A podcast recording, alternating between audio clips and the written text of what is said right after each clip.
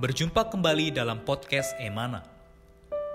Renungan-renungan yang menguatkan iman ini diambil dari tulisan-tulisan saudara Watchmeni, seorang pelayan Tuhan yang sangat mengasihi Tuhan sampai akhir hidupnya. Semasa hidupnya, Tuhan memakai saudara Watchmeni untuk menyingkapkan banyak terang dan wahyu Alkitab. Di antaranya adalah mengenai salib, mengenai Kristus sebagai hayat, juga mengenai kesatuan tubuh Kristus. Kami berharap kehadiran podcast Renungan Emana, khususnya di masa pandemi virus hari ini, dapat menghibur dan menguatkan iman Anda. Podcast Renungan Emana dapat Anda dengarkan melalui aplikasi Emana dan Spotify. Anda dapat menghubungi kami pada nomor hotline Emana di 0851 5677 2397. Sekali lagi Anda dapat menghubungi kami pada nomor hotline Emana di 0851 5677 2397. Buku-buku saudara Watchmeni secara lengkap dapat Anda peroleh di toko buku Yasmerin, Tokopedia, Google Playbook, atau di website resmi yasmerin.com. Selamat menikmati seri renungan hari ini. Puji Tuhan, salam sejahtera saudara-saudari, para pendengar podcast Emana. Syukur pada Tuhan kami sukacita bisa kembali hadir melayani saudara-saudari. Kali ini ya. sudah bersama dengan saya, Saudara Moses. Puji Tuhan, Saudara. Puji Tuhan, Saudara Adi Bagus. Senang kembali bisa bersama-sama melayani di sini. Ya. Amin. Amin. Baik, Saudara Moses, saudara-saudari sekalian, mulai minggu ini kita akan memasuki pembinaan dasar yang berjudul Hari Tuhan. Berapa orang menyangka bahwa hari Tuhan itu adalah hari Sabat, tapi sesungguhnya jika kita melihat Alkitab dengan lebih teliti, hari Tuhan bukanlah hari Sabat. Nah, bagaimana penjelasannya? Mari kita mulai podcast kita kali ini. Baik, Amin. ayat firman Tuhan kita ambil dari dalam kitab Ibrani pasal 10 ayat 1. Di dalam hukum Taurat hanya terdapat bayangan saja dari keselamatan yang akan datang dan bukan hakikat dari keselamatan itu sendiri. Puji Tuhan dari ayat ini, wahyu apa yang bisa disampaikan, Saudara Moses? Ya, ini puji Tuhan ya, kita memasuki satu topik pembahasan yang baru mengenai hari Tuhan. Kiranya ini juga menjadi satu model apresiasi kita ya akan setiap hari Minggu yang biasa menjadi hari di mana orang Kristen menguduskan untuk datang berhimpun beribadah pada Tuhan hari Minggu ini bukan sekedar se uh, sebuah hari ya, seperti hari-hari yang lain. Dalam Alkitab, khususnya di Kitab Wahyu, ya Yohanes dengan uh, terus terang berkata bahwa dia ada di dalam roh pada hari Tuhan. Ya. Kemudian setiap kaum beriman uh, gereja sebermula juga berkumpul di hari pertama minggu itu yang juga adalah hari Tuhan. Nah, saudara-saudara, ini merupakan satu dorongan bagi kita ya bahwa memang secara spesifik Tuhan menyebutkan hari itu hari Tuhan yang membuat kita juga jadi lebih memiliki ini ya saudara memiliki kerinduan juga persembahan bahwa memang hari itu seharusnya adalah untuk Tuhan ya. Amen. Untuk mengingatkan hari-hari yang lain juga sebenarnya adalah miliknya Tuhan. Namun di hari Tuhan itu, saudara, ini bukan sekedar sebuah uh, acara seremonial atau ibadah atau kebaktian yang sifatnya formalitas dan juga rutinitas, seperti yang mungkin yang mungkin dikerjakan oleh umat perjanjian lama. Jadi dalam sabat mereka menaatinya dengan uh, tidak melakukan banyak hal ya. Uh, mereka tidak boleh bekerja, tidak boleh melakukan hal-hal yang berat, ya, uh, karena memang maksudnya adalah untuk mengalami perhentian. Tetapi sayangnya uh, prinsip itu ya, yang Tuhan berikan kepada mereka justru tidak menjadi perhentian bagi orang Israel, tapi justru menjadi beban dan menghakimi banyak orang. Nah, karena itu di dalam kitab Injil Tuhan bangkit sebagai uh, baik manusia penyelamat, baik uh, raja penyelamat, ya, sebagai tuan atas hari Sabat. Tuhan seolah-olah di uh, kitab Injil ya, kitab-kitab Injil kita melihat bahwa Tuhan seolah-olah kayak sengaja melanggar hari Sabat untuk membuktikan bahwa dialah Sabat yang sejati. Ya, jadi kalau bicara tentang Sabat, kita perlu juga melihat di situ. Nah, jadi hari Tuhan sebenarnya bukan sekedar hari Sabat, ya. Hari Tuhan sebenarnya kita lebih dari itu karena di dalam dia ada Sabat. Nah, saya mau bacakan satu ayat referensi lain supaya uh, saudara-saudara tidak bingung ya dengan oh berarti apa itu hari Tuhan dan hari Sabat? Ya hari Sabat itu sebenarnya kalau kita lihat secara harfiah adalah hari Sabtu ya. Sedangkan hari Minggu yang adalah hari Tuhan itu ada hari pertama di minggu itu. Jadi mungkin sudah ada yang tahu, mungkin ada yang belum. Tetapi prinsip kami selama seminggu ini mengadakan podcast mengenai hari Tuhan adalah Kolose 2 ayat 16 dan 17. Saya bacakan. Karena itu janganlah kamu biarkan orang menghukum kamu mengenai makanan dan minuman atau mengenai hari raya, bulan baru ataupun hari sabat.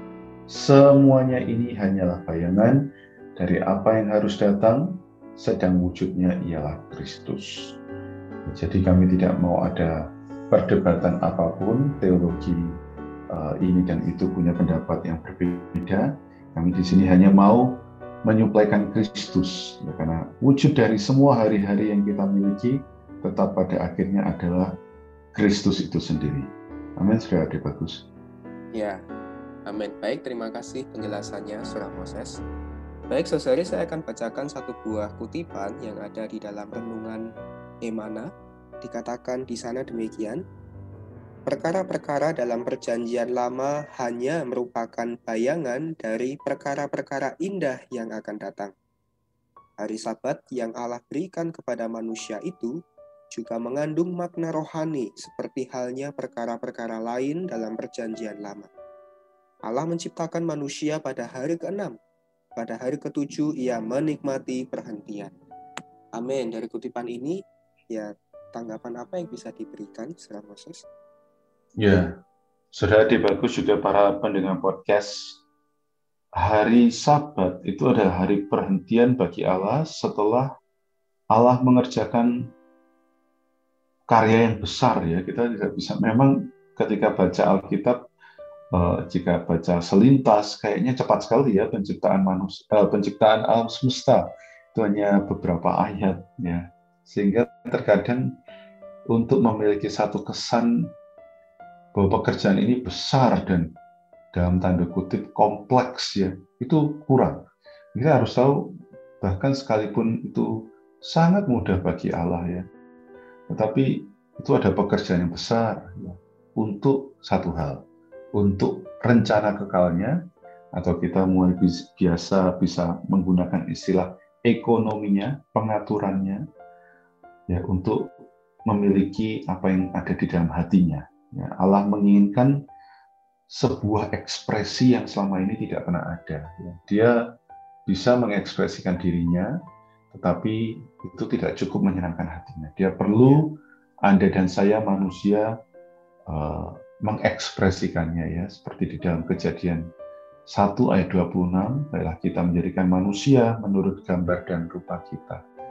Ya, manusia sengaja dibuat segambar serupa supaya ada ekspresi yang sama. Nah, tetapi untuk itu Allah harus siapkan banyak ya, mulai hari pertama sampai hari ke-6 ya, supaya di akhir dari hari ke-6 itu bisa menciptakan manusia. Amen. Nah, di hari ke-7 ini yang sering kali tidak banyak orang uh, maknai. Allah beristirahat. Ya, Allah menguduskan hari itu. Allah mengalami perhentian. Bukan karena Allah kecapean, sus.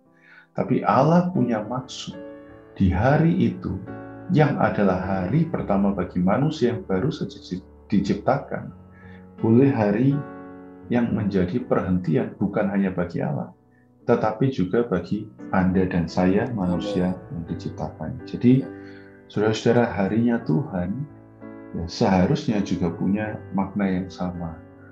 Ya, sebagaimana Sabat waktu itu adalah untuk perhentian, ya, hari terakhirnya Tuhan perhentian, hari terakhirnya manusia, itu harusnya juga menjadi perhentian. Jadi hari pertama manusia sejak Tuhan mati dan bangkit, ya, uh, kita tidak lagi menjadi umat hari terakhir, ya kita menjadi umat hari pertama. Jadi yeah. bergeser ya. Nah, kita perlu mengawali minggu itu dengan penuh kenikmatan dan perhentian. Jadi Anda dan saya ini sebenarnya hakikatnya diciptakan untuk menikmati terlebih dulu baru bekerja ya. Yeah. Allah sudah bekerja bahkan hingga hari ini. Allah bekerja begitu banyak menyediakan bagi kita bukan untuk kita berusaha dan bersandar diri sendiri. Allah ingin kita nikmati dulu, nikmati dulu apa yang sudah Dia siapkan semuanya dalam hidup kita. Baru dari situ dengan kekuatan dari kenikmatan yang kita miliki, kita berjalan bersamanya, hidup oleh dia, ya bersandar dia. Ya modalnya adalah di hari pertama kita. Moga saudara-saudara di hari pertama kita ya kita benar-benar bisa mengalami diri Tuhan. Amin. Amin. Amin. Jadi saudara-saudari begitu manusia tercipta, manusia bukan bekerja dahulu ya, Saudara Moses ya, melainkan manusia memasuki perhentian Allah. Amin. Allah betul. terlebih dahulu bekerja selama enam hari, kemudian baru menikmati perhentian, tetapi manusia sebaliknya. Ya, manusia menikmati perhentian dulu, baru kemudian bekerja. Nah, sebetulnya Amin. ini juga adalah merupakan prinsip Injil ya. Karena itu hari Betul. Sabat juga adalah lambang dari Injil. Terlebih dahulu ada keselamatan, kemudian baru ada pekerjaan. Ada hayat Amen. dahulu, kemudian baru ada perbuatan. Jadi perhentian mendahului pekerjaan, perhentian yeah. mendahului perbuatan. Inilah Injil.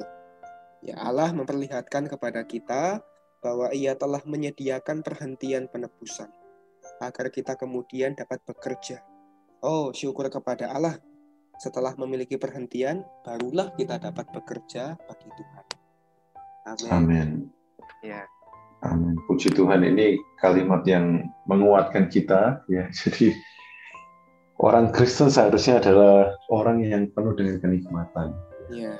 Semua sudah Tuhan rampungkan. Bahkan hidup kita, masa depan kita tuh sudah Tuhan aturkan.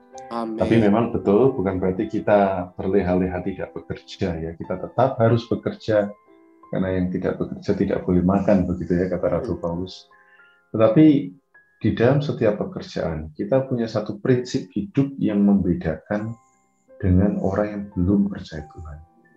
Ya, saya bacakan ayat terakhir mungkin di dalam Ibrani 1 ayat 5. Ya Tuhan berkata ya, kepada siapakah di antara malaikat-malaikat itu pernah ia katakan, anakku engkau, engkau telah kuperanakkan pada hari ini dan aku akan menjadi bapaknya dan ia akan menjadi anakku. Ini adalah perkataan yang diambil dari kitab Mazmur ya, bagaimana melambangkan Tuhan yang bangkit itu adalah hari di mana ia lahir di dalam diri kita ya di mana saat itu bukan hanya dirinya yang menjadi putra ya juga sedang memutrakan kita kita sedang menjadi putra-putranya sejak kita juga percaya dan dibaptis sehingga saudara-saudara kita perlu sadar hal ini. Karena kita statusnya adalah putra-putra Allah. Maka prinsip hidup kita seharusnya adalah prinsip putra-putra Allah. Apa itu? Mengekspresikan dia, ya, kemudian juga mewakili dia karena kita adalah putra Allah, kita mewakili Bapak kita. Nah, bagaimana supaya bisa mengekspresikan dan mewakili dia? jalannya tidak lain dan tidak bukan adalah sama seperti di kitab kejadian. Setelah tadi Adam dan Hawa diciptakan menurut ekspresi untuk mewakili dia berkuasa atas binatang-binatang, atas segala macam hal. Di pasal 2 Allah menempatkan mereka di depan pohon kehidupan, pohon hayat untuk makan. Karena itu hari ini sama saudara-saudara untuk bisa mengekspresikan dan mewakili Allah sepanjang minggu ini, kita harus terlebih dulu makan, menikmati. Nah, hari-hari selanjutnya kita akan bahas apa yang akan kita nikmati dan makan di hari Tuhan Dan kenapa menikmati dan makan di hari Tuhan menjadi begitu krusial dan spesial yeah. dibanding makan-makan di hari lainnya. Amin, puji Tuhan. Ya, amin. Baik, Selasari, mari kita mengakhiri podcast kali ini. Kita tutup dengan doa. Di dalam kasih, Saudara Moses bisa berdoa untuk kita semua. Amin. Puji Tuhan, mari kita berdoa. Amin. Tuhan Yesus, terima kasih Tuhan, Kau adalah realitas dari segala sesuatu termasuk sabat. Amin. Tuhan, terima kasih hari ini di dalam Engkau ada perhentian, ya. di dalam Engkau ada keselamatan, ada hayat. Nah, kiranya kami melihat sabat ini setiap hari bisa kami nikmati, terlebih ya. di hari pertama minggu itu. Kami Amin. mau baik-baik mengalami perhentian dan kenikmatan supaya sepanjang hari, bahkan sepanjang minggu ini, Tuhan Yesus, kami boleh mengerjakan begitu banyak urusan dan hal yeah. di dalam perhentian. Amin. Terima kasih Tuhan Yesus, kami cinta padamu. Amin. Puji Tuhan. Puji Tuhan. Sekian podcast Renungan Emana hari ini. Kami akan kembali pada seri berikutnya. Anugerah dari Tuhan Yesus Kristus dan kasih Allah dan persekutuan Roh Kudus menyertai kita semua.